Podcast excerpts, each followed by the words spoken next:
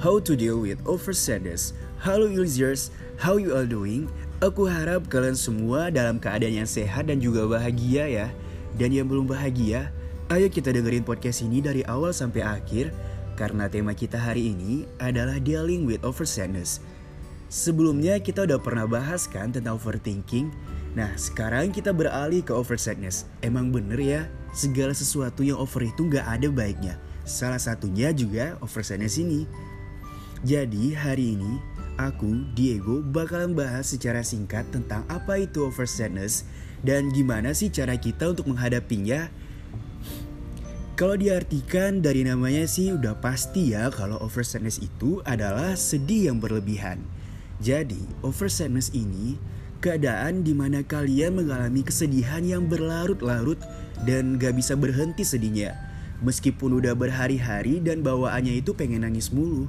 Padahal kadang gak ada sesuatu yang bikin kita sedih. Contohnya nih, kayak misalnya kalian lagi dicuekin sama doi kalian. Eh terus kalian malah dengerin lagu-lagu yang galau. Akhirnya kalian jadi nangis semalaman. Keadaan kayak gitu yang disebut dengan over sadness alias sudah sedih, eh malah bikin menderita. Tapi tenang aja, di sini Ilsi Hasa punya beberapa rekomendasi teknik untuk menghadapi over sadness loh. Karena itu dengerin baik-baik ya Ilsiers. Teknik yang pertama yaitu ada butterfly hug alias pelukan kupu-kupu. Pas kamu lagi dilanda over sadness, kamu bisa loh melakukan teknik butterfly hug ini. Butterfly hug ini atau pelukan kupu-kupu merupakan bentuk stimulasi mandiri untuk meredam rasa cemas dan membuat diri kita menjadi lebih tenang.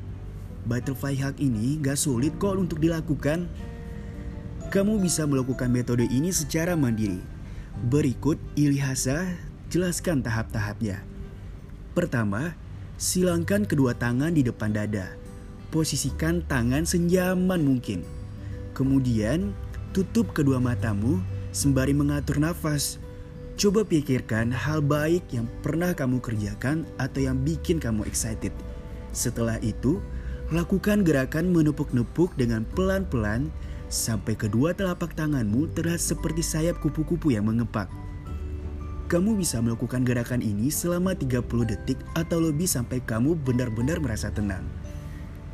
Sambil menepuk, bernafaslah menggunakan perutmu dan rasakan semua hal yang terjadi di sekitarmu, termasuk apa yang kamu rasakan secara fisik dan emosional.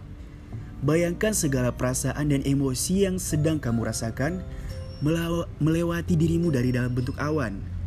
Sadarilah bahwa mereka memang ada dan kamu tidak perlu mengubahnya. Kamu bisa berhenti ketika perasaanmu sudah cukup baik dan tubuhmu menjadi lebih rileks. Kamu bebas melakukan teknik ini di mana saja dan kalau saran saya sih untuk mencari tempat yang lebih aman dan nyaman atau tempat yang tidak terlalu ramai agar kamu tidak terganggu dan lebih cepat merasa tenang. Selain untuk diri sendiri, kamu juga bisa menerapkannya pada orang terdekatmu ketika mereka mengalami emosi yang tidak stabil. Semoga teknik kita yang pertama ini bisa membantu kalian menghadapi over sadness ya. Nah, kalau tadi kita bicara tentang butterfly hug, sekarang kita beralih ke teknik yang kedua, yaitu ada teknik katarsis. Teknik katarsis ini proses pembersihan diri dan jiwa dengan cara mengeluarkan emosi-emosi negatif yang sebelumnya terendap dan menumpuk serta tidak disadari dan sulit untuk diekspresikan. Teknik ini biasanya dilakukan oleh dua orang atau lebih ya. Jadi bentuknya kayak grup terapi gitu. Katarsis yang baik cukup dengan membujuk secara perlahan agar mau menggunakan emosi yang sedang dialami. Bantu dia agar mau lebih jujur dengan emosi yang sedang dia rasakan. Selain itu, membantu seseorang agar melakukan katarsis yang baik bisa dengan cara menciptakan suasana yang aman dan nyaman tentunya. Teknik yang terakhir yaitu mendengar, mendengarkan musik atau radio yang menenangkan. Tahu gak sih ritme internal tubuh? Ternyata ngikutin irama musik yang sedang kita dengerin loh. Jadi contohnya ketika kita lagi marah, kita bisa coba untuk pilih lagu yang chill atau audio yang bisa bikin badan kita lebih rileks.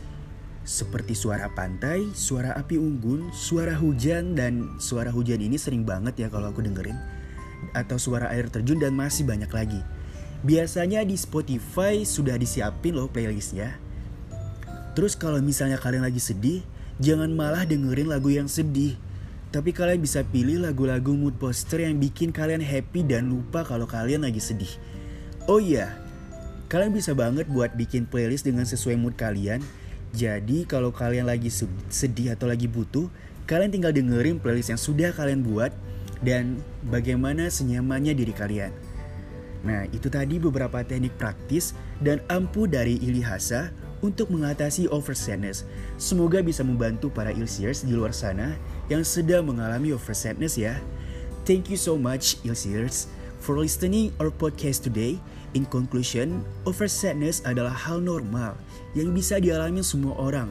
Tapi tentu saja bukan Ilise, Hasan namanya kalau nggak bisa kasih tips and trick buat menghalaunya. Semoga beberapa teknik yang kita sebutkan tadi bisa bermanfaat buat kita semua. Remember, it's a bad day, not a bad life.